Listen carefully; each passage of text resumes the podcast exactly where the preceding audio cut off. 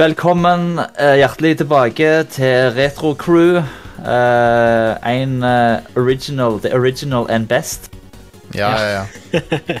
Est. Ofte, i, Eh. ofte imitert, aldri et eller annet. Ja.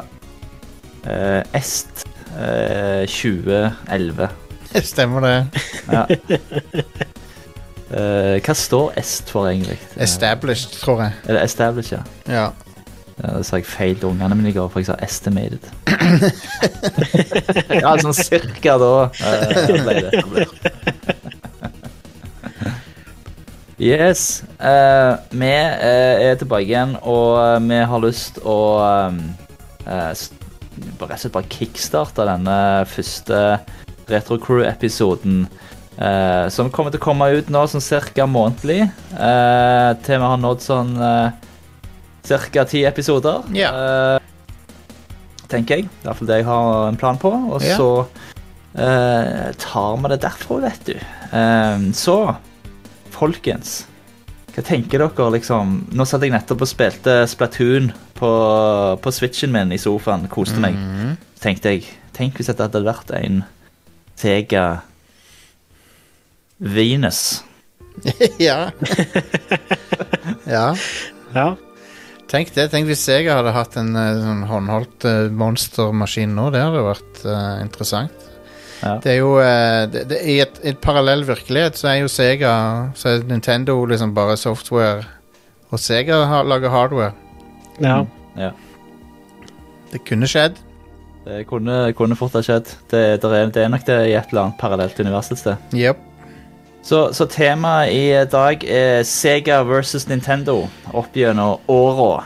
Um, og i studio i dag så har vi uh, Jostein Og Are. Der var han. og Ketil. Yes.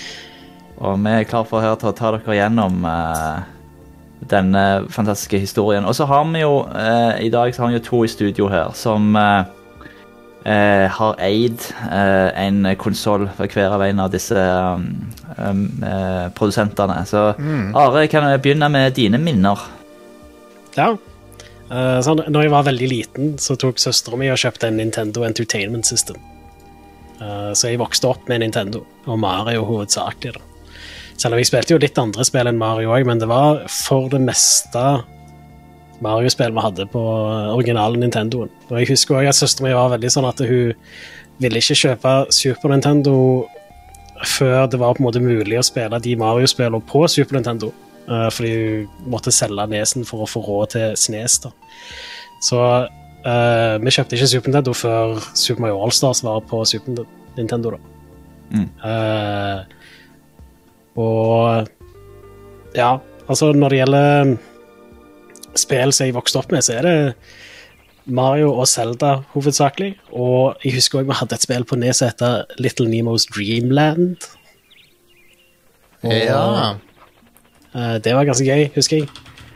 Um, og uh, ellers så Jeg spilte ikke så mye forskjellige spill. Det var liksom ikke så lett å få tak i spill heller på den tida, så Iallfall ikke for sånn ja under ti år gamle meg. Nei. Ehm, men jeg husker jo at jeg, jeg spilte gjennom alle Mario-spillere på Nes flere ganger. Ja. Jeg var ganske god i de, så Mm. Eh, Du Men kunne jo eh, ikke når fikk nesen, egentlig? Hva, hva, hva, snakker, de snakker med, sånn cirka? Ah, Jeg var fire år gammel når jeg fikk nesen, så det var vel rundt uh, 1990, Ja. tror jeg. Kanskje 89. Interessant. Eh, og så tror jeg vi fikk Super Nintendo i 93 eller noe sånt. Kanskje 94. Jeg er litt usikker. Mm, mm. Cool. Uh, Da var du jo eh, litt uh, I hvert fall på nesen der, så var det jo eh, i hvert fall Ja. Det var jo sånn typisk Det kom jo til Norge litt seinere uansett enn det som du leser om nå, liksom. I eh, resten av USA og sånn som det. Altså jeg, jeg for min egen del hadde aldri uh, verken Nes eller uh, noen Sega-konsoller eller Nintendo eller Sega-konsoller når jeg vokste opp. Eh, jeg eh, Eh, jeg får ofte jeg får, får høre liksom at eh, du, Ketil, jeg syns du nevner ganske mye eh, at du fikk eh, liksom Atari istedenfor Commodore, så ville du egentlig ha Commodore eller Nintendo. Så du snakker litt mye om det fortsatt i en alder av 43. Eh, så jeg har tydelig sagt sine spor. Selv om jeg hadde veldig mye glede av de maskinene der. Eh, men jeg hadde søskenbarn som fikk eh, Nintendo Entertainment System, og jeg husker jeg var ble utrolig fascinert når jeg så Super Mario Bros. 1, som da fulgte med. Eh, for da hadde jeg jo kun spilt det der originale Mario Bros. Eh, arkadespillet, som bare alt er bare på én level, liksom. Stemmer. Eh, så da liksom, Første gang jeg fikk se det, så liksom wow, altså dette var jo dritkult. Eh, Uh, og så spilte vi mye Dr. Mario òg, okay. uh, husker jeg. Uh, han trodde jo det da at det skulle være et plattformspill, så det var litt dårlig research der. Eh, men vi hadde det ganske gøy allikevel.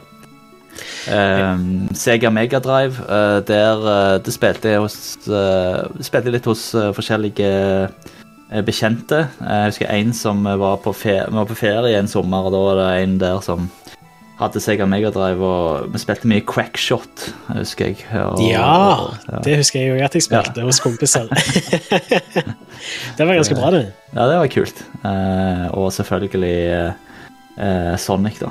Eh, var jo selvfølgelig bra. Ja. Jostein? Yes. Nei, jeg, jeg fikk jo en uh, Sega Master System til jul. Det var vel 1990, tror jeg. Eh, så det, det var jo liksom Vi var, lå jo litt etter, så Sega Master System er jo Akkurat som Nes er han jo eldre enn det, men uh, jeg fikk han da. Um, og, og så fikk jeg med, med, med den, så fikk jeg vel Alex Kidd som var innebygd. For dette var Sega Master System 2-modellen, som hadde innebygde spill. Ja. Uh, nå hjemme så har jeg én-modellen, og den er mye finere. mye kulere hardware. Men, uh, Ja. men jeg hadde Alex Kid in Miracle World, og så var det Super Monaco Grand Prix. Uh, som er litt funny, for nå har jeg i nyere tid Så har jeg blitt interessert i Formel 1 igjen, men uh, Så det var jo Sega sitt Formel 1-spill, og så um, Og så var det ett til, og det var Wonderboy 3 The Dragon's Trap Mm. som nylig ble remade. F- Fikk en remake. Ja, stemmer. Um, som er et veldig bra spill. Så jeg var, jeg var ganske heldig med det spillet, for det er sånn et, Det er kanskje det beste Master System-spillet er Wonderboy 3. Så det er sånn, men jeg, grunnen til at jeg hadde det, var helt tilfeldig. Det var bare noe jeg hadde fått liksom til jul. Mm. Mm. Uh, så, men jeg var veldig fan av den uh, Master System Jo, det var vel ett spill til jeg fikk, og det var uh, helt i starten, og det var California Games. Ja, Ah, stemmer. Fra Epics. Yeah. Som på Sega Master System, ja. Jepp, jepp. Det var en veldig bra versjon av det spillet. Jeg har testa andre versjoner òg. Testa Amiga, testa Megadrive og sånn. Men jeg, det er et eller annet med Jeg syns Master System-versjonen er veldig god. Um, så jeg tilbrakte jo hele de første årene på 90-tallet var jeg klistra til den Master Systemen. Og uh, Master System er jo ikke, det er jo ikke en som har tålt tidens, tidens tann så veldig godt, men um, Men jeg var veldig fan av han da, og han hadde han ha, Den dag i dag så har han bedre grafikk og bedre lyd enn Nes har. Absolutt. Men han har ikke spillene som Nes har. Så Nes, det er en grunn til at Nes vant, på en måte. Ja, det er jo det. Men, eh, men det som er litt artig med Mersus, er at han, han fikk jo leve mye lenger i andre land, da, sånn som i Brasil, blant annet. Ja. Eh, men, det, men det gjelder jo Megadrive også. ja. Så, eh, så det var 8-bit-historikken min, da. Mm. Mm. Um, Ok, De, de spillene til Sega Master System som har sånn der kvitt med sånn rutenett, er Ja. det liksom Sega sin originalspill, det liksom, eller som Ja, har den nei, alle- jeg tror alle Master System-spillerne måtte ha det, faktisk. Oh, ja, Okay. Ja. Så Uansett hvem som lag, lagde de. Mm. Uh, og på, på Megadrive så bytta de til svart ruter. Svart rutenett. ja. Så, men ja, Master System er jo infamous eh, når det gjelder uh, stygge coverarter. I hvert fall, i hvert fall de tidlige spillene. Ja, det, det er vel ingen som er så ille som Megamann-coveret, da. Nei, men Nei. jeg vil si at pro wrestling på Sega Master System Ja, ok. Det er det jo. Du, ja, stemmer. det er muligens tidenes dårligste spillcover. Ja. For jeg, skjø- Så har hvorfor, jo eh, kl- Hæ? hvorfor mangler han hodet, han wrestleren? Ja, ja, jeg får tatt av han hodet, liksom. Men det er eh, jo Phalanx på Super Nintendo. Det er jo en klassiker. Men, eh, Rednecken sitter og spiller på en banjo, og så tilfeldigvis er det et romskip oppi, langt oppe i himmelen. Så er det liksom en shoot jeg, skjø, jeg skjønner ikke hva de tenkte med, med Phalanx, altså. Jeg, jeg forstår det ikke.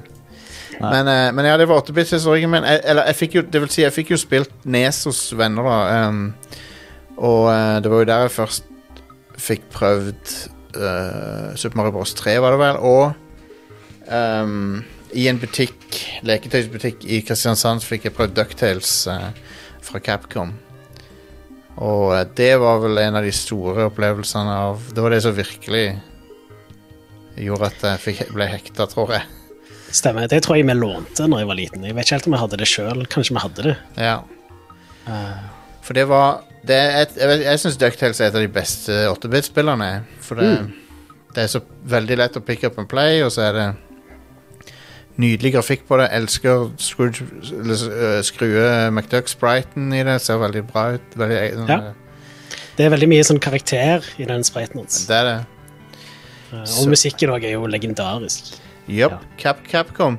En, det er jo en av, du kan jo si at eh, Capcom og Konami er en av grunnene til at Nes gjorde det så sykt bra. Mm, absolutt. de to, uten de to så, så, hadde det, så hadde det ikke vært så mange andre annet enn Nintendo som liksom bidro. Ja. Men, eh, men ja, så jeg vet ikke om vi skal gå videre på 16-bit med en gang, men ja, nei, men uh, det var kult å høre litt minner. Uh, og Ja. som du sier om Capcom, og det var litt sånn som Electronic Arts var for Sega. Ja. eh, det er nok det. alle de sportsspillene. Jeg kom forresten på et annet spill som vi hadde på Nes, eh, som var Shadowgate. Å ja. Ja, ja. Eh, og det var litt kult, fordi det var på svensk. Du kunne velge svensk språk på det, så jeg kunne forstå det, selv om jeg ikke kunne engelsk ennå. Men det er sånn point and click adventure-spill som er veldig sånn, med en gang du gjør én ting feil, så dør du, og så har du tid på deg fordi du har begrenset antall fakler, og med en gang fakkelen slukner, så dør du. Så må du bare løse masse obtuse puzzles. ja og, Eh, Men Men det- har veldig bra stemning og sånt da, veldig bra musikk, og eh, jeg husker at jeg likte det veldig godt da. Mm, mm. og det er laga av de samme folkene som lagde Deja Vu. Mm, stemmer. Og det er svenske folk som har laga, eller? Er det det? Jeg lurer på om Deja Vu var svensk. Jeg er ikke helt sikker. Det er en grunn til at du kunne velge svensk språk. Ja, det var det jeg syns husker at du kunne velge svensk. Så. Men, Ja. men det kan hende at det er bare tilfeldig. Men jeg vet ikke. Ja, Men ja. uansett um, Ja. Konge. Men uh, jeg syns det uh, Hvis vi går litt inn på, på historikken, da, Mm. så er det jo Nintendo er et selskap som går utrolig langt tilbake igjen. Det har vært gjennom ekstremt mye historie i Japan. Altså det Jeg går tilbake helt til 1889, faktisk. Ja, ja, ja. Eh, Så nå skal vi ikke ta alle detaljene fra 1889 Ja, vi, begynner, vi begynner i 1889, og i Kyoto. Ja, Det var Shudimi Shishima som uh, fant opp et kort som han ville trykke opp. eh. um, men uansett, eh, Sega eh, ble jo etablert på 40-tallet. Og Sega, eh, som kanskje ikke alle vet, er jo kort for Service Games. mhm. Uh, og ble, uh, de, de første de ble etablert i, på Hawaii, Honolulu, Hawaii, og begynte å importere uh, spillmaskiner til det amerikanske militæret fram til den type munnspill ble forbudt i en periode. Eh, så de, det, det, det, jeg syns det er utrolig fascinerende med sånne elektromekaniske spill som de hadde på 50- og 60-tallet, før det fantes noen ting særlig digitalt. Absolutt. Eh, de må jo ha hatt et mareritt når du tenker på vedlikehold Ja, Ja, ja, ja. med alle de greiene der. Det, men eh, men ja, det, er jo, det er jo mange som går ut ifra automatisk at Sega er japansk, men det, det tok jo en stund før de ble det. Ja. Ehm, fordi eh, de hadde uh, De etablerte uh, noe som Rosen Enterprises i Tokyo, som da importerte Sega sine elektromekaniske spill på 50- og 60-tallet. Og da de fikk suksess uh, innenfor coin-up. Eh, Og så kjøpte de òg opp et eller gikk i partnerskap med et selskap som heter Gulf og Western Industries på sent 60-tall. Så det første de gjorde innenfor måte TV-spill, for å kalle det det, da, var når Atari kom med Pong, så var de en av de mange hundre tusen som utvikla en klone til den. Mm. Så ble de et skikkelig powerhouse innenfor arkadespill på tidlig 80-tall, med Saxon og eh, sånne type ting. Eh, og hadde òg Fikk òg etablert seg skikkelig da i, eh, i eh, Japan. Eh, så når du da hadde på en måte eh, I 83 så var det jo dette uh, video game crash eh, i USA, som eh, mange snakker om. Og samt, men parallelt da, så, så var jo ikke markedet i Japan noe særlig påvirka av det. Så da, den første konsollen de ga ut, var jo SG1000, som kom ut i juli 1983 i Japan. Eh, Faktisk samme dagen som Famicom kom ut. Eh, Solgte ganske bra, men ble allerede eh, discontinued i 84. Eh, og eh, samtidig også så etablerte de Sega Enterprises da i, eh, i Japan. Eh, så kom eh, I 85 så kom Sega Mark 3 ut i Japan, som da heter Sega Master System eh, her. Som var den første internasjonale konsollen, eh, som var veldig populær i spesielt Europa og Brasil, Ja. men ikke spesielt populær i USA og Japan. Jeg, jeg husker jeg var, jeg var En gang så var jeg på ferie i Frankrike Når jeg var sånn 7-8 Og det var faktisk første gang jeg så en Master System For vi var på besøk Ja. hos noen Vi var på besøk hos, hjemme hos noen i Frankrike Og de hadde en Master System Og det var, må ha vært sånn 88 eller noe det. og, det, og de hadde spillet Aerial Assault Husker jeg Ja, nice. Men, uh, men ja, Europa sto Sega veldig sterkt på den tida Stemmer det. Um, og da var det en som het Nakayami som ble direktør da, av uh, Sega Enterprises. Så ja, det er jo Ja. en sterk styring fra Japan. Ehm, eh, og, eh, og det var jo òg, sånn som du nevnte, Jostein, i 86 så kom jo Alex Kid ut til Sega Master System, og han ble på en måte litt sånn, litt sånn uoffisiell maskot, kan du si, Ja i, i, i, uh, i starten. Jeg tror, jeg tror uh, det der uh, maskot-racet hadde ikke helt begynt. Nei. Så det var liksom ikke sånn at alle måtte ha en maskot på den tida. Nei, nei. Stemmer. Ehm, så, men, men selvfølgelig, den store suksessen deres var jo eh, når Megadrive kom ut i eh, 88 i Japan, da. Eh, og den, var, den er faktisk basert på noe som de kalte for System 16, som var et eh, hovedkort som de brukte i arkademaskinene sine. Men igjen så sleit de litt med timingen, fordi at eh, Super Mario Bros. 3 hadde kommet ut uka før. Ja. Så de solgte veldig dårlig i starten. i, eh, i Kan liksom ikke konkurrere med Super Mario Bros. 3. Det Nei. ikke. Det, det, det var jo utrolig eh, altså, eh, ja, etterlengta uh, spill. For Super Mario Bros. 2, det var jo, i hvert fall i Japan, så var jo det egentlig aldri en ekte Super Mario Bros. 2. Det var jo bare en vanskelig versjon av Super Mario Bros. 1. Ja. Mens i, eh, så var det jo Doki Doki Panic-klonen som vi kjenner til i, eh, i USA og Europa. Jopp, jopp. Så de solgte bare 400 000 i starten i Japan. Eh, men i 89 så lanserte de i USA eh, og hadde et mål om å selge en million, og kalte den for Genesis. Og faktisk så tok Sega da Genesis med seg til Atari. Men daværende CEO Jack Tremell, som kom fra Commodore og som hadde kjøpt opp eh, Atari, Corp, var ikke interessert. Han ville satse på home computer-markedet. Mm. Eh, men det var en som heter Michael Katz som likte veldig godt det han så, eh, men klarte ikke å overbevise Atari-ledelsen. Men han ble da senere leder for Sega USA, eh, og de lanserte da eh, Sega Genesis med pack-in game Altered Beast.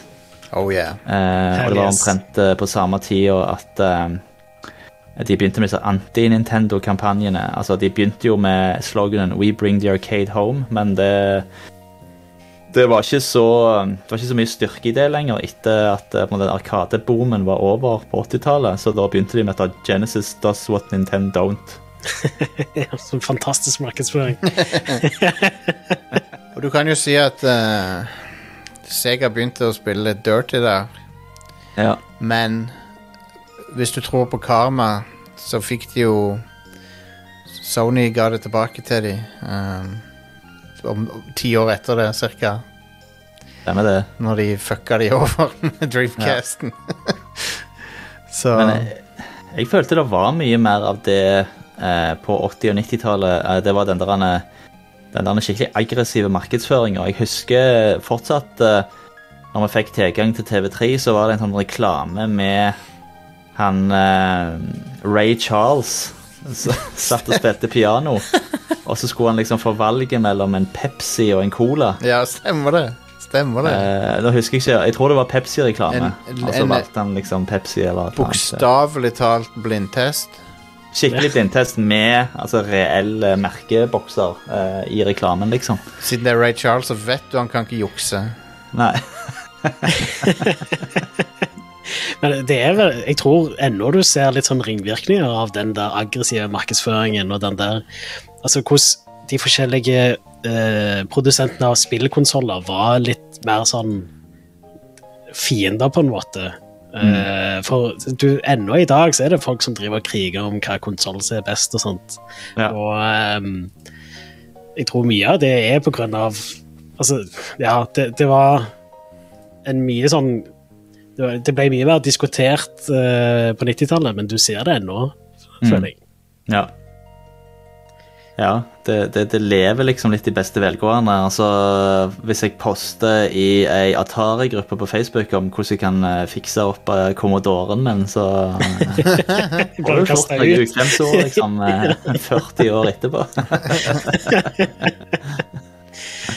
uh, ja.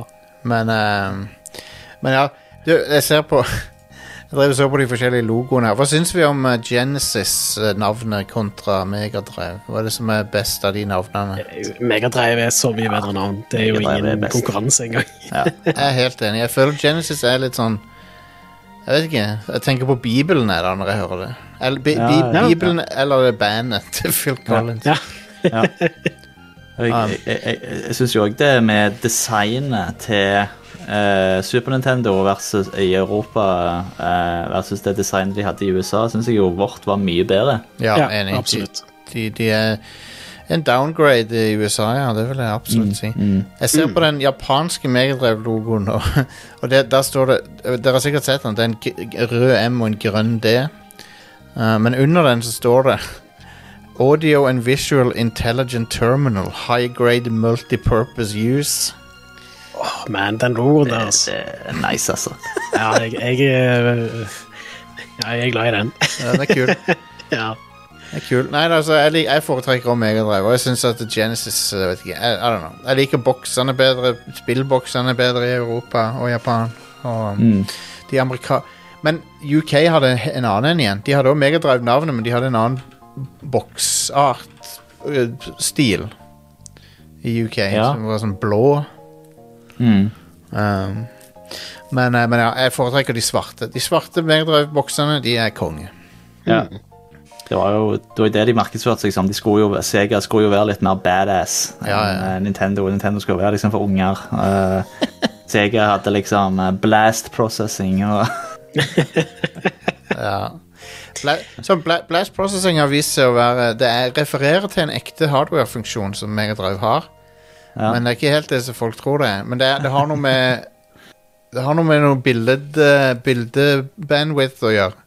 mm. Eh, så de har funnet ut at det, det er faktisk en ting, men det, det er ikke helt det de Det er ikke det at Sonic kan løpe fort, nødvendigvis. Det er ikke, Nei. men det er visst en ekte ting, da.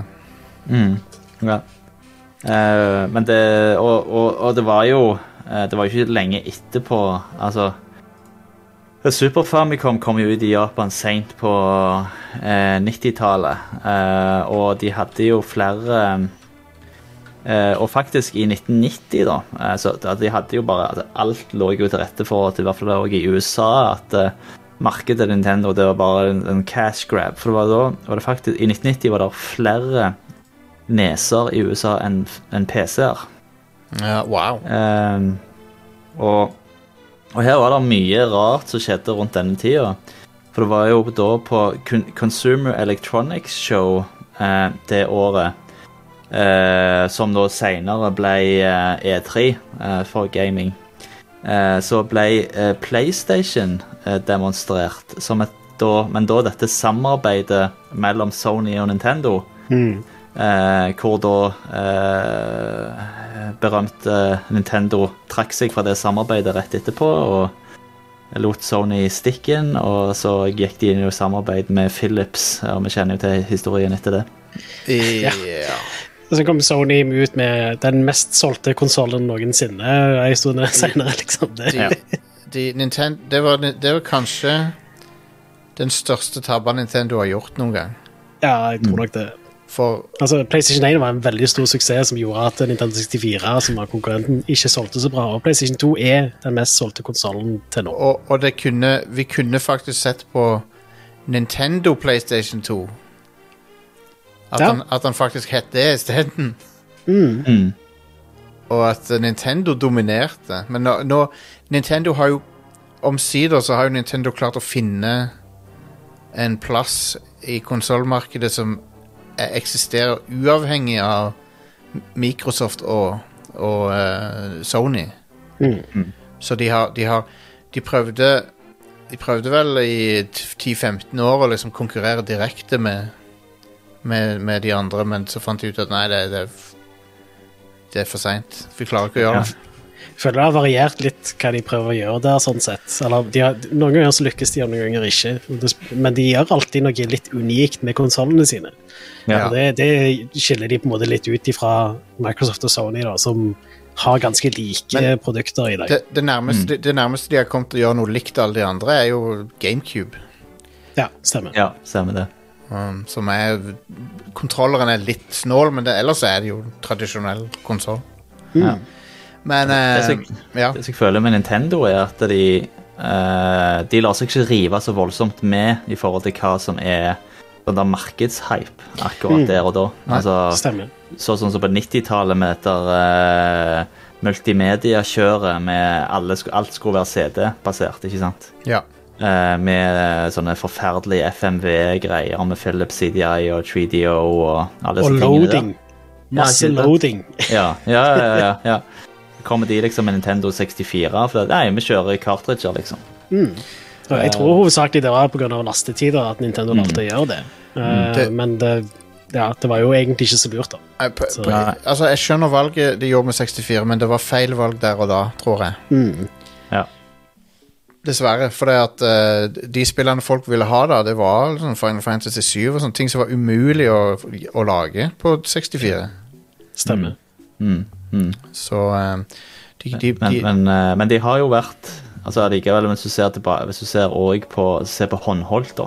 når det først kom eh, Ja. i 89 med Gameboy, når de på en måte Nintendo ikke lot seg liksom eh, rive med på at de skulle bruke masse R&D på å få inn en fargeskjerm i, uh, i maskinen, men de satsa heller på å sikre seg eh, rettighetene. De reiste jo til Russland og styrte på for å få rettighetene til Tetris. Mm. Eh, og solgte jo noe vanvittig eh, i forhold til Game Gear og Atari Lynx. Ja.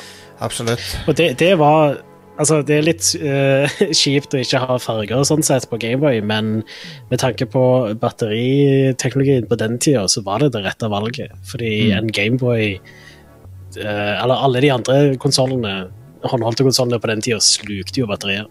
Mm, mm. Mens Gameboy var litt mer sånn reasonable, da. Ja. Jopp. Så hvem er kulest? Sonic eller Mario? Eh, Mario er ikke kul. Og det er egentlig så det, det er jo derfor at eller, eller som regel så er ikke Mario en kul figur. Han er bare en uh, Mickey Mouse-figur. Type figur. Som liksom er på, Han er Han er liksom en popkulturell sånn ikon som uh, Som han trenger ikke å være kul, på en måte. Mm, mm. Så han er, for han, alle bare aksepterer Mario. Han er liksom en del av popkulturen vår for alltid. Um, så, men Sonic er kul han, han er kul, men er, han, er, men er, det kult, er det kult å være kul lenger? Spørsmålet. Det er spørsmålet. Hvordan kul Sonic er, varierer litt fra spill til spill, syns jeg. da. Men han var ganske kul på eh, Sega eh, Megadrive. Altså. Jeg føler at i den nye filmen de ga ut, så tror jeg de fleste syns Sonic var kul. Mm. Så han har fått tilbake det, han, han har vært lame av og til, men jeg, han, jeg føler han har fått mojoen tilbake litt. Grann. Um, men på den tida så er det ikke noe tvil. Når Sega og Nintendo kriga med hverandre, så, så var det en periode der Sonic var Han var nummer én i, i, eh, tol- i hjertet til tolvåringer rundt omkring. Ja. Absolutt. Men det, det er noe med altså, det, det er et eh, ikonisk design på Sonic òg, vil jeg si. Ja. Uh, veldig lett gjenkjennelig. Eh, du, det er sånn, Hvis du ser en silhuett av den, så ser du at det er Sonic for det. Så er det en bra designa maskot. I tillegg så er han veldig sånn uh, det, det er veldig mye karakter i han i, i spillet òg. Han er bra animert, og han har liksom litt sånn flair i, i tillegg til um, at det spillet er jo ja, kjempebra. Så De er jo kanskje ikke eldes så bra som gameplay i Mario. Altså, det, du, Mario Bros 1, 1, 2, 3 og World egentlig er jo uh, mye Kanskje litt lettere for folk å plukke opp i dag og spille, for Sonic er jo Mm. litt uh, Ja.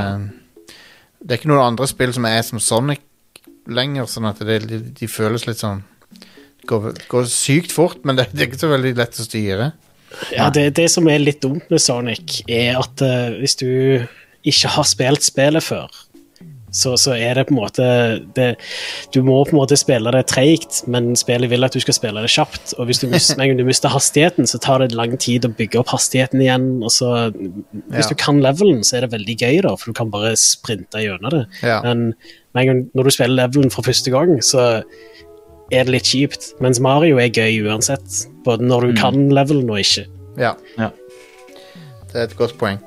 Nei, men jeg føler Mario han er beyond kulhet. Han, er, han trenger ikke å være kul. Han er Han er bare awesome uansett. Eh, Tidløs. Ja, tidløs er et godt ord for det, ja. For han er Og egentlig så er det rart at det fungerer, for at han er, hva er han er, han er liksom en uh, italiensk uh, New York-rørlegger, liksom. Hva faen? Litt sånn lubben og Hvor, hvorfor er det en populær character? I bet you get a lot of spaghetti. uh, men han er, men de, de naila det med, med Han jeg vet ikke hvor, hvordan de klarte det, men han er, han er like u, udødelig som Mickey Mouse på dette tidspunktet, så Mm. Ja. men, men jeg må si Sonic har mer staying power enn jeg hadde trodd. Ja. Han, han er i høyeste grad i popkulturen ennå, Mm. Mm. så jeg må, gi det, jeg må gi det til skaperne av Sonic, altså. Det er liksom interessant, uh, fascinerende at de eh, faktisk lager en film om han eh, 30 år etter han ble uh, lagt, liksom, og var egentlig aktuell, sånn sett. Ja, ja, og nå, og nå i den eh, oppfølgeren så går det jo tydeligvis liksom full Dr. Robotnik og alt mulig, sånn fra det gamle Ja. spillet, liksom, med Jim Carrey der. awesome.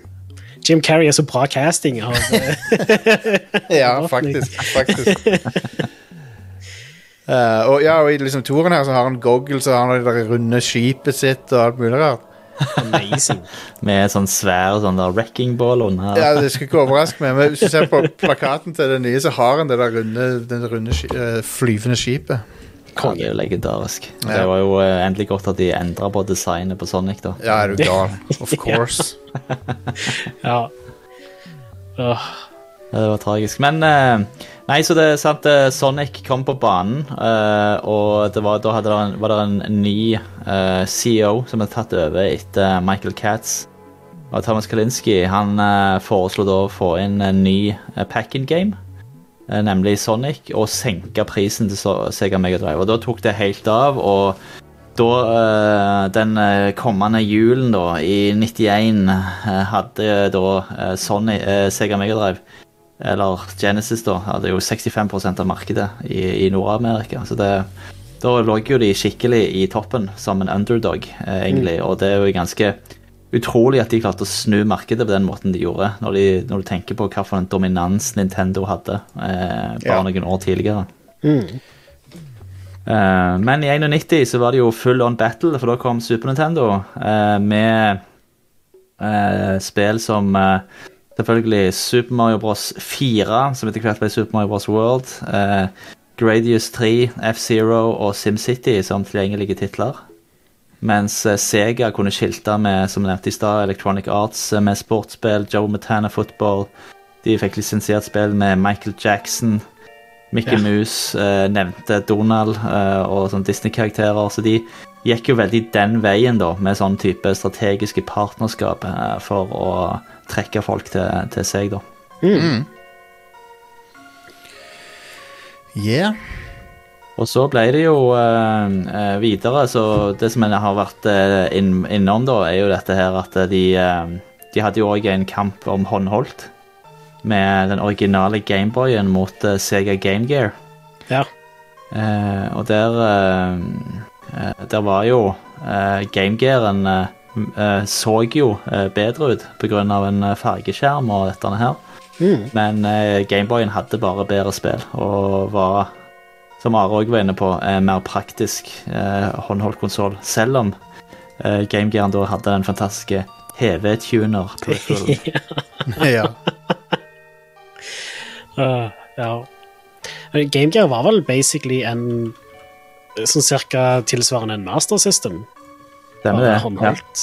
Og det er jo ganske imponerende på, Ja. på den tida. Ja, ja, absolutt.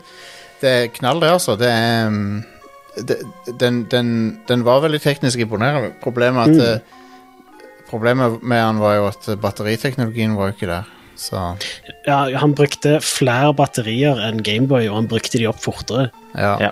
Så eh, ja, Og så var han større òg. Stor, var mer eh, lomba, lommebar. det, er en stor, eh, det er en stor murstein. Han er, det, det er vanskelig å forklare hvor stor han er hvis ikke du har holdt den, igjen, eller sett Mm. den.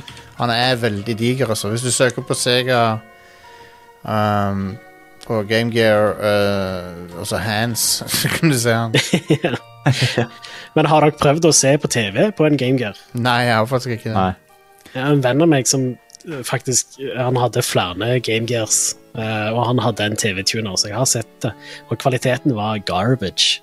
Det er jo en tidlig 90-talls LCD-skjerm på han, liksom. Det er ikke Veldig sånn utvaska farger og eh, Ja, det var ikke Det, det var en antenne, så Ja. du fikk ikke noe bra signal eh, heller, så ja.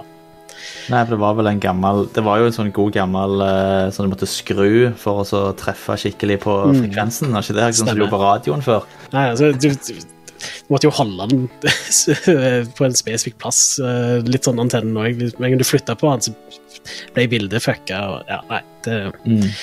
det, det var ikke et spesielt praktisk produkt. Nei. Men kult å kunne ha en, en TV i lomma, da. Som kan Ja. få inn TV-signaler. Det er ganske stilig, men det var litt uh, forut for sin tid, I guess. Mm. Ja, det, det du sier der, er jo egentlig treffer jo litt på uh, det som er, slår meg om Sega på denne tida, at de var et utrolig innovativt selskap. Mm. Ja, det var det.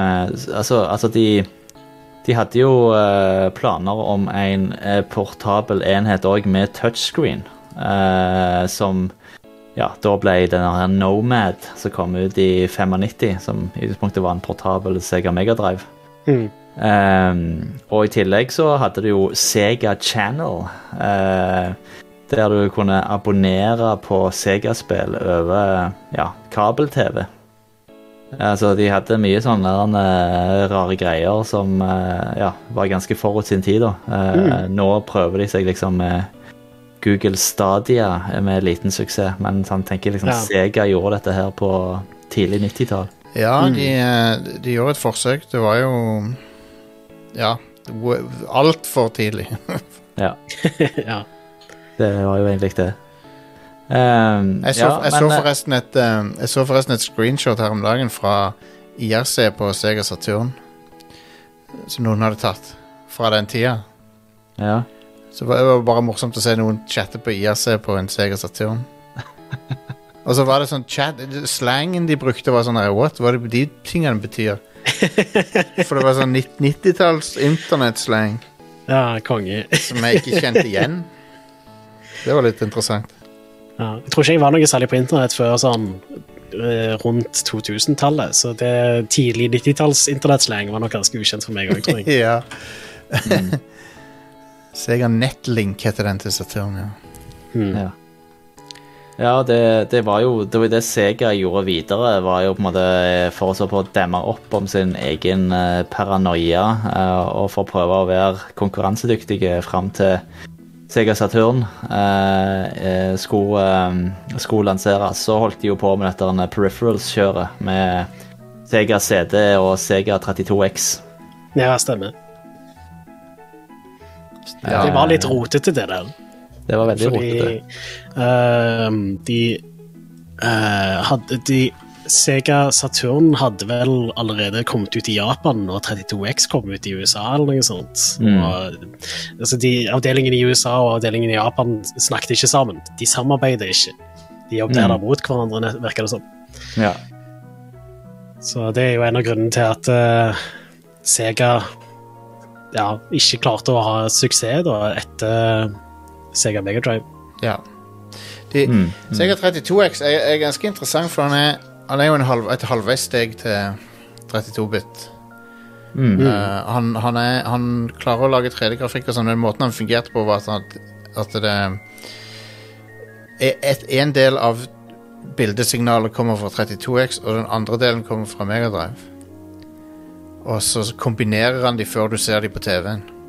Ja. Og det er ganske weird å se. På emulator så kan du da liksom se på hvert layer. Uh, du kan liksom skru av Megadrive-layeret eller skru på Eller skru av 32X-layeret og se hvilken som gjør hva. Jeg Mm. tror du kan gjøre det på en Sega altså konsoll òg, med å bare trekke ut den ene kabelen som går oh, ja, fra 32X-en til ja, konsollen. Stemmer det. Ja, ja, ja. ja. Så ja.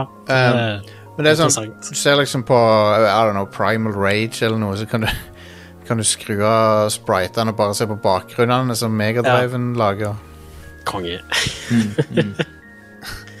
Ja, og det var jo Altså, det var jo nå liksom virkelig altså 3D-gaming, eh, som de kalte det for, da. Altså begynte å, å, å komme. Eh, og det var jo der litt eh, Sega Saturn òg sleit litt, da. Mm. Eh, eh, men men, eh, men der var jo allerede Super Nintendo ganske tidlig ute, da. eh, Ja, visst. med, med sin teknologi. Og så så jeg på spill sånn som for eksempel eh, eh, Ikke F-Zero, men eh, Star Fox. Star Fox. Ja. Ja, når de kom med den Super FX-chipen. Jeg husker det var en sånn kart racer, så jeg brukte den, som var i 3D. Framerate Mm. var jo forferdelig, men eh, det er fortsatt kult. Uh, og så har du òg sånn som uh, det var, De brukte den chipen av og til i 2D-spill til å bare gi 3D-elementer, sånn som i Yoshi's Island. Noen av eh, dørene der er 3D, som detter ned sånn. En sånn Ja. drawbridge også, som er 3D, tror jeg. Og introen til uh, A Link to the Past. Der er det jo noen 3D-modeller av denne Triforcen i Mm. begynnelsen. Ja. Men med en gang et spill var complete 3D, altså sånn som Star Fox på Super Nintendo, så var det jo uh, veldig lav framerate. Den var egentlig ikke rusta til det. Det var en 2D-konsoll. Su men Super FX og uh, chipen og 32X er ganske sammenlignbare, sånn hva de kunne gjøre. Mm. Men uh, det, det eksisterer en uh, tech-demo på YouTube av 32X som uh, er way beyond det du fikk se i spillene.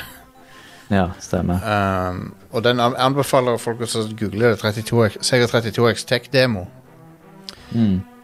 Men, men Én ting er hva du klarer å putte i en tech-demo, men alle vet jo at uh, et spill er noe helt annet.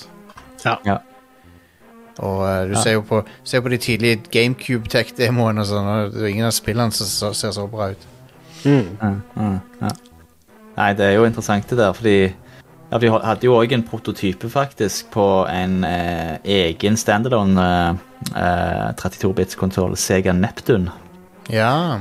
Men den, eh, den kom jo aldri ut, av, i og med at eh, for utviklingen av Sega Saturn gikk såpass fort. eh, Fortere enn de hadde forventa. Ja, ja, ja.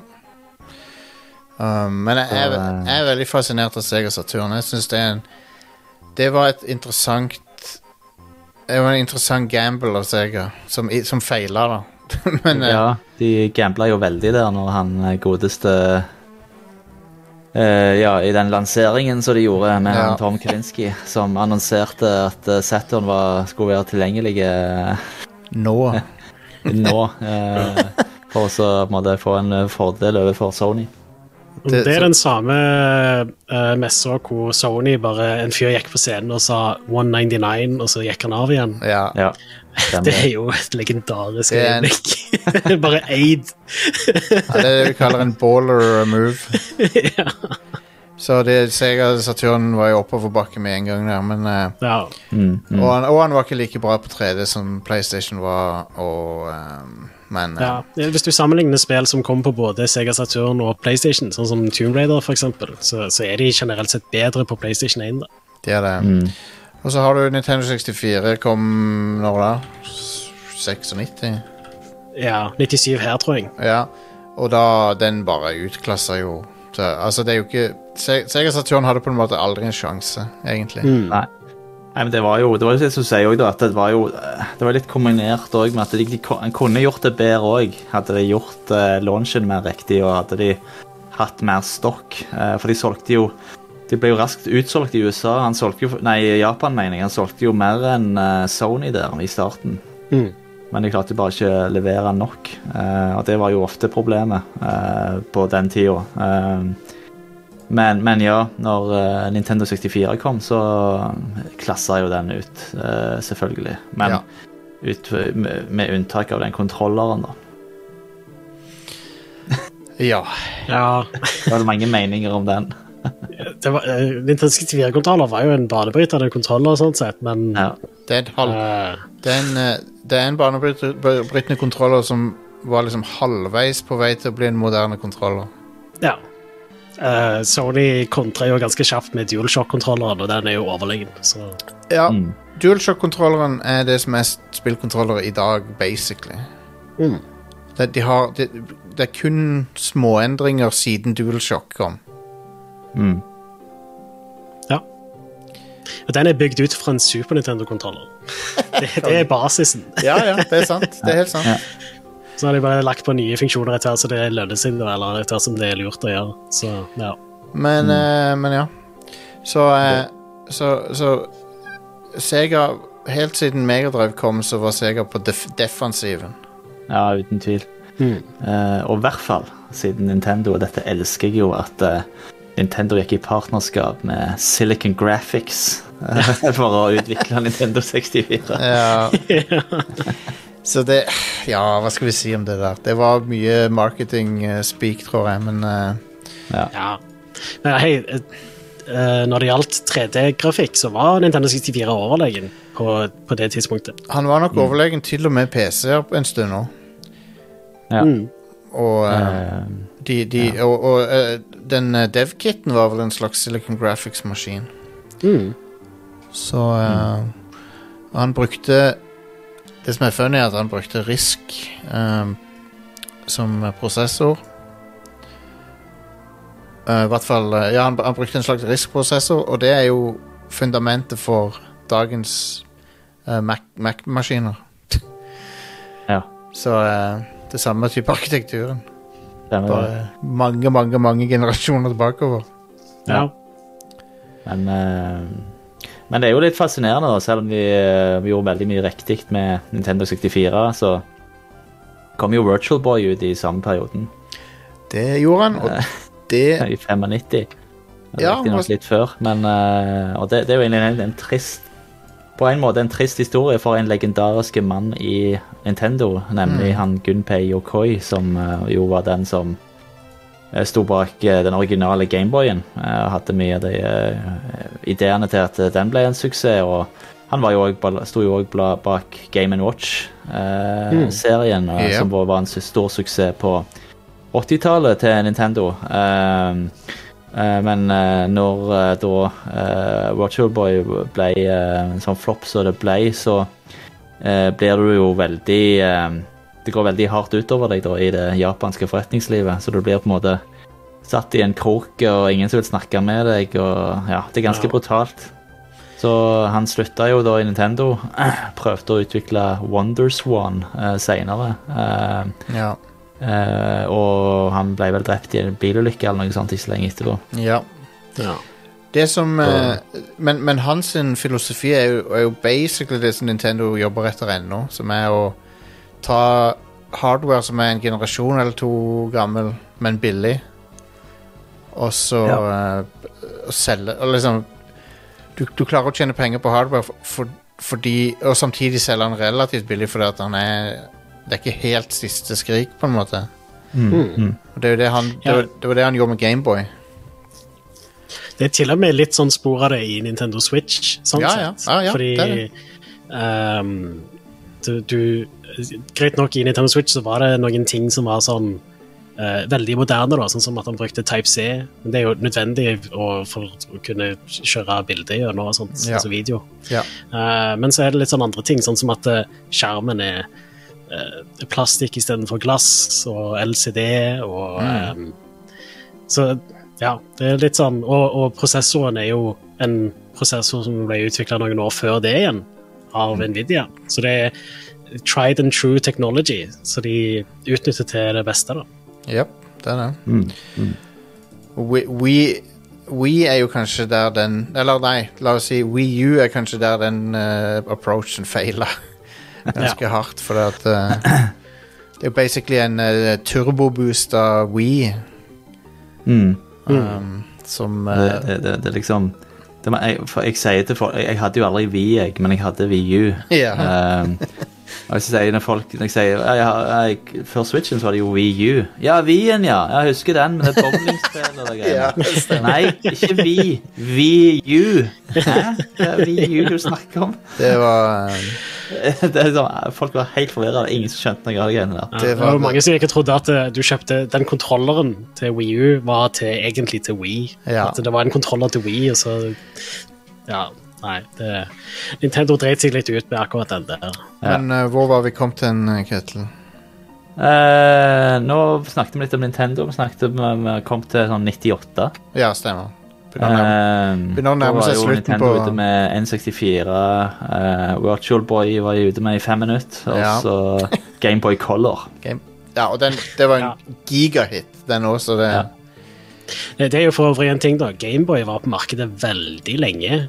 Ja, stemmer det. Det, det, det skulle jo egentlig komme en Altså, Virtual Boy skulle jo egentlig overta for eh, Gameboy, men i tillegg så begynte de å utvikle eh, en etterfølger til Gameboy veldig lenge eh, Altså eh, veldig lenge før det endte opp med å komme noe, da. Men så Ja. bare endte det opp med å uh, få et nytt liv da når Pokémon kom ut.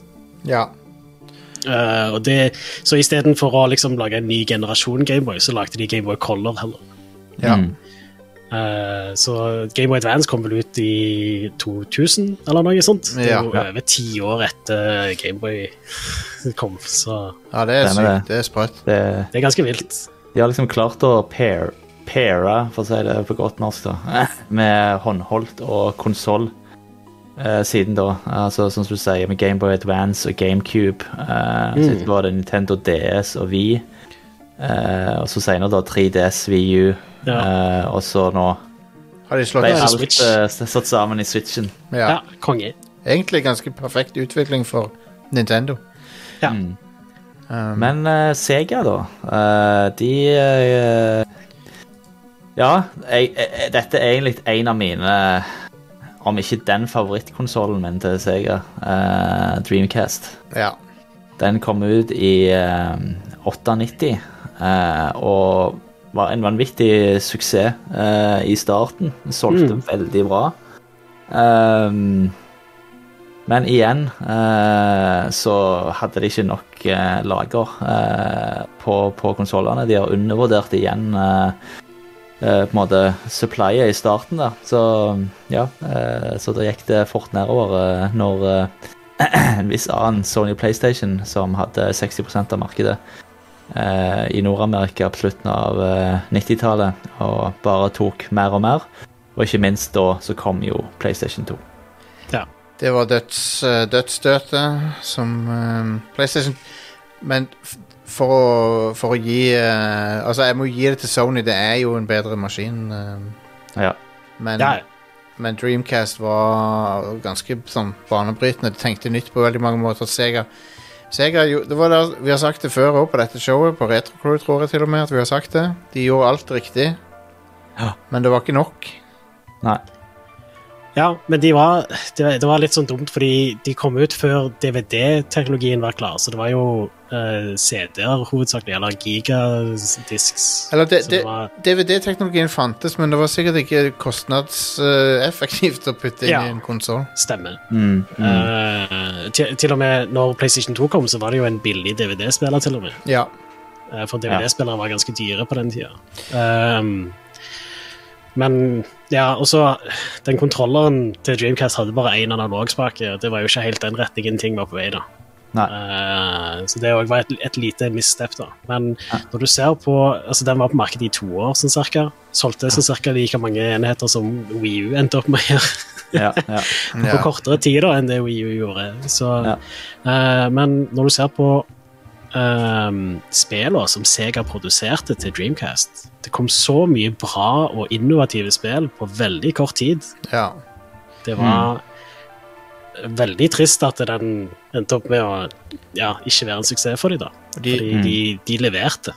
de gjorde det. De, de, tok, eh, de tok virkelig gamingen i en ny generasjon fordi de hadde så mange originale konsepter som er sånn Nå, nå om dagen så er det indiespill som gjør det, men Sega gjorde alt det der alene.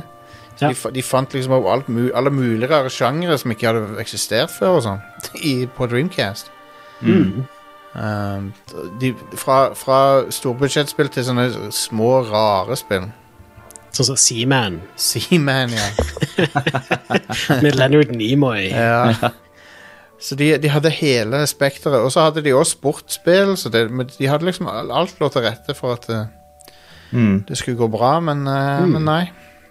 De, eh, Nei, det, det gikk dårlig, og hvis du ser på eh, tallene på selskapet, ser du at de eh, Altså på slutten av eh, Altså i 2001 eh, Det var det rundt da de beslutta å gå over til å være et eh, 100 eh, tredjeparts eh, software-selskap.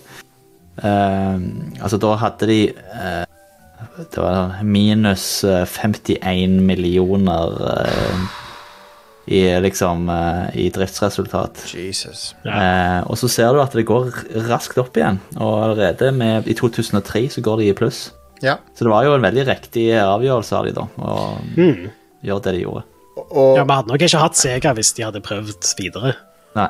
nei, og um, de har snubla litt Uh, som, som softwareutgiver, så har de snubla litt, men de har også gjort- gjort noen bra ting, så De, de har noen ting som de fortsatt leverer veldig på, da. Uh, som for eksempel alt det som Ryoko Hva er det det studioet heter? Yakuza-studioet. Men de har, jo- de, de, han har jo slutta der nå, så vi får se Ja, hvordan det går. men de, de spillene har vært uh, kjempebra i veldig lang tid. Men jeg føler jo da at uh, til og med softwaren til Sega har på en måte tapt seg litt etter Dreamcast. Det var et eller annet som skjedde i den lille perioden Dreamcast var, var, var hip, da, hvor de Ja, de bare var så innovative og hadde så mye sånne kule ting. De hadde òg en veldig sånn bra stil i de fleste spillene, som bare var veldig Mm. Ja.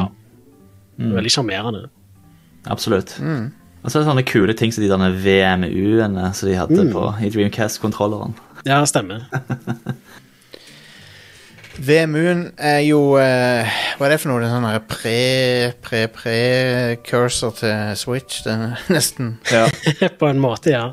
Det var liksom en sånn liten Tamagotchi som du hadde inni der. Ja. ja. uh, interessant, uh, interessant liten gimmick som Ja. Som, eh, som ja, andre har liksom videreført noen av de ideene. We, Ja. Egentlig så Wii U er jo litt samme ideen.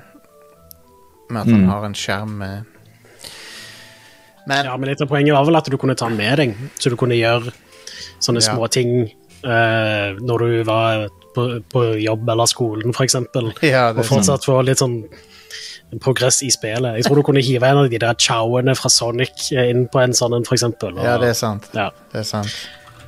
uh, nei, men jeg har litt lyst til å skaffe meg en Dreamcast. Det er litt sånn legendarisk konsoll å ha, så jeg Ja. Ja. er litt frista til å skaffe meg en. De, de ga ut en del eh, porter på Dreamcast av PlayStation-spill som var liksom forbedra. Mm. Ja. sånn som Tomb Raider.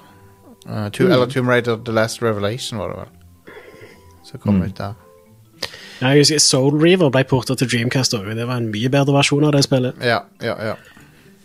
Men en annen ting som dessverre også var litt dumt med Dreamcast, da, for Sega sin del, var at uh, uh, måten de klarte å cracke den maskinen på, gjorde sånn at du kunne laste ned et spill som var cracked, brenne det ut på en CD med CD-brenneren din, og så bare spille det på en Dreamcast uten å modde den. Wow. Uh, for cracken lå på disken, på en måte. Uh, og wow. det Når du ikke engang trenger å modde maskinen, så er plutselig terskelen ganske lav for å gjøre det der. Uh, ja, det er jo det. Absolutt. Så, men det var GD-rom de kalte det formatet. Ja, stemmer. Yep. Så de crackerne endte opp med å for type eh, fjerne eller eh, nedsample video og musikk, sånn at det skulle få plass på en CD, fordi en CD var 750 megabyte. Men, men er det ikke litt ironisk, eller jeg vet ikke om ironisk er rett ord, er det ikke litt øh, artig på en måte at uh, de kriga med Nintendo i alle år de holdt på med hardware, og så er det Sony som tar livet av dem? Ja. Ja, det er jo sant, det, da. Sånn sett så var det jo Nintendo som tok livet av dem med å fucke over Sony. Ja, Hvis det er Nintendo sant. ikke hadde gjort det, så hadde ikke Sony Det er sant. bare lagd PlayStation 1 og 2. Ninten og Men- Nintendo de var liksom bare litt når, når Sega gikk under, så var jo Nintendo Ja, de for så vidt hadde jo GameCube og sånn, men GameCube hadde jo ikke egentlig sjanse mot PS2, den heller. Ja. Um, Nei. Det var, en, det var jo litt sånn dark time for Nintendo. Hvis Nintendo ikke hadde hatt uh, Gameboy Advance, så Mm. hadde de slitt litt, grann, tror jeg. Ja. Ja. Um, jeg ser på Finn nå, så kan du få kjøpt en Dreamcast. En som selger en Dreamcast her for 2000. Ja, det, Noe spill. det høres Eh, ut. Får du mye spill med, da? min- Ja To-tre. Det var litt over Jeg synes det Altså, Finn er veldig overprisa. Ja. Jeg føler det er sånn greia nå, eh, som er sånn Spesielt de siste åra så har det blitt en sånn uting med at uh, så lenge det er noe gammelt, uh, så er det verdt mye, tror folk. Det Eh, det er en bra plass å selge ting på, Eges guess. ja. på eBay så kan du få en bokst uh, Bokst til 150 dollar. Nei, 150 euro. Ja. Så ja. det, Det var en stund, for en stund siden, sånn uh, kanskje ti år siden, eller noe sånt, så plutselig så dukket det opp massevis av Dreamcasts på uh, sånn eBay og sånt. Uh, jeg lurer på om de fant et lager eller noe sånt. ja. ja Men jeg husker at det var noe sånt. Men ja. For, for ti år siden kjøpte jeg en Sega Megadrive Uh, som var new, new in box, for den, og så kom han fra et eller annet lager i, et eller annet i Asia. ja. Og den var helt ny. Eh, eller helt uåpna, da. ja, nice. Så eh, det, Men det er dessverre en av de dårlige megadriverne med dårlig lyd og sånn. ja. Mm. Men det er en Jeg har en, eh, Ja. jeg har en uh, u, uåpna Amiga 1200. Oi, Eller som nice. eh, aldri Den For det fra Det var fra når etter Commodore hadde gått konkurs, så ble de kjøpt opp av et tysk selskap til Escom. De lagde sine egne Amiga 1200. Ja, ja. eh, og så var det en eller annen eh, tidligere ansatt der, så solgte de eh, av gårde. Så kjøpte jeg en av de. nice. Så, men det er sikkert er sånn du ikke bør skru på nå, for de er jo Det er jo kjent for å være eh, noe sånn der batteri og sånt som eh, kan lekke hvis du gjør det, så du bør skifte noe sånn kapasitet, Ai, ai, ai. sånt før du, før du gjør det. Ja. Så jeg er lurt å åpne den opp og se at alt er fint inni der før du gjør noe som helst. ja. Ja, stemmer det. Kommer Sega noensinne til å lage hardware igjen? Det tror, nei, det gjør de ikke. Nei. sant? Det gjør de ikke, For det lønner seg ikke for dem. Nei. De tjener godt på softwaren sin, de. Så Ja. mm. det er ikke marked, altså. Det er jo noen som har prøvd. Uh, ser jo at det Markedet er ikke modent nok. Det, eller det er, ikke, det er ikke stort nok til, til med flere Nei. den type. Det, da, da måtte det vært noe Altså, du ser liksom de har prøvd, Mange som har prøvd seg med nye ting, men det liksom Det funker ikke. Mm. Nei. Men ja, det er jo uh, de, Men eh, hei, vi har de begge ennå. Vi har Sega, vi har Nintendo. Sega, Ja. Sega har ikke gått full Konami, heldigvis, så de er ennå Ja. um, Mm. De, de, er- de er ennå i spillbransjen. Ja. Det er de. Konami ikke er. Ja. Uh, så det er, Um. det er fint at de ennå fins. ja. Mm. Det, da har vi liksom vært gjennom hele reisen. har vi. Eh, Jeg tenker, har vi noen, har vi noen honorable mentions av spill og tilbehør til Nintendo-konsoller og Sega-konsoller vi ikke har nevnt? Det er et spill som jeg ikke spilte når det var aktuelt, men jeg eh, spilte det på Wii Virtual Console, som jeg eh, har lyst til å fremheve. og Det er da Fantasy Star på Sega Master System. Ja, ja. ja. Det er Det, det spillet var veldig forut for sin tid. Uh, hvis du sammenligner det med Final Fantasy-spillene eller Dragon Quest-spillene som var aktuelle på den tida, så er det Ja, det, det er mye mer ambisiøst, da.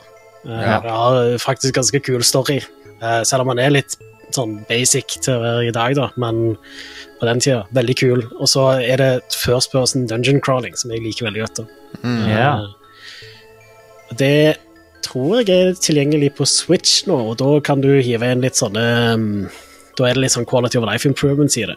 Så det Ja. er verdt Ja. å sjekke ut. Ja, det, jeg tror det, er- det er saving, blant, saving selvfølgelig, men det er, også, det er, ja, det er noen andre forbedringer òg, så de har putta Mm. inn i det. Uh, Hele den serien, Fantasy Star 1-4, er verdt å sjekke ut hvis du liker klassiske JRPGs. jeg vil trekke fram uh, en kul peripheral til Snes, som er Gameboy Player. Ja, Ja. Som er veld, Stemmer. veldig rar, men han er kul òg, for han enhancer liksom grafikken på han, han gir spill farger og sånn. mm, stemmer. Så den er, den er ganske kul. Um, og uh, jeg vet ikke hvor lett den er å få tak i nå om dagen, men du kan sikkert emulere det ganske godt. Mm. tipper Mm. jeg. Og så vil jeg trekke fram et Megadrive-spill som heter Ristar, eller Rystar, eller hvordan du uttaler det. Som er Sonic Team, tror jeg, som har laga. Som handler om ei antropomorfisk stjerne. Som er det mm. veldig kjekk liten plattformer. Ja, det er Sonic Team, ja. Ja, ja. En, en kjekk plattformer fra, fra Sega som viser at det var ikke bare Sonic de kunne lage. De kunne lage andre kvalitetsplattformer også. Den syns jeg er veldig kul. Så det var mine to uh, pics der. Uh, jeg, vil, jeg vil bare nevne en uh, mest useless peripheral som jeg har noen gang sett til Nes, og det må være Nintendo Speedboard. Som var da en sånn uh, plastikkdings, eh, plastikkbrett, så du kunne legge kontrolleren inni, for det skulle liksom gjøre deg i stand til å eh, trykke fortere på knappene når du spilte sånn vintergames og sånn. Ja, stemmer. Speedboard, ja. Ja. Det eneste spillet det er liksom track, and- Konami Track and Field er det eneste spillet der du har Ja. point å Ja. ha det der. Ja. Eh, og så hvis det- så syns jeg jo at eh, hvis en skal få en veldig god musikkopplevelse på Nes eh, og høre det beste av Nes-chipen, så må du jo sjekke ut Sunsoft eh, og Ja. sine spill. Ja. Jepp. Absolutt. Eh, Batman og ikke minst Ja. eh, ja, der er det mange bra. Eh, Og det, Mr. Gimmick er jo bra, men der er det faktisk en chip i selve cartridgen. også. Men det, det er Sunsoft det er straks etter Snes òg. Det var noen kongesoundtracks fra Sunsoft på Snes også, sånn som Equinox, som er oppfølgeren til Solstice. Åh, ja. hell yes. Og Solstice òg. Men musikken i det er så bra. Ja. Absolutt. Um, Det var jo forresten et spill som jeg hadde på Nes, Solstice. ja, ja. nice. Søstera mi er superfan av det. Ja, ja. Konge. Hadde du Castlevania òg?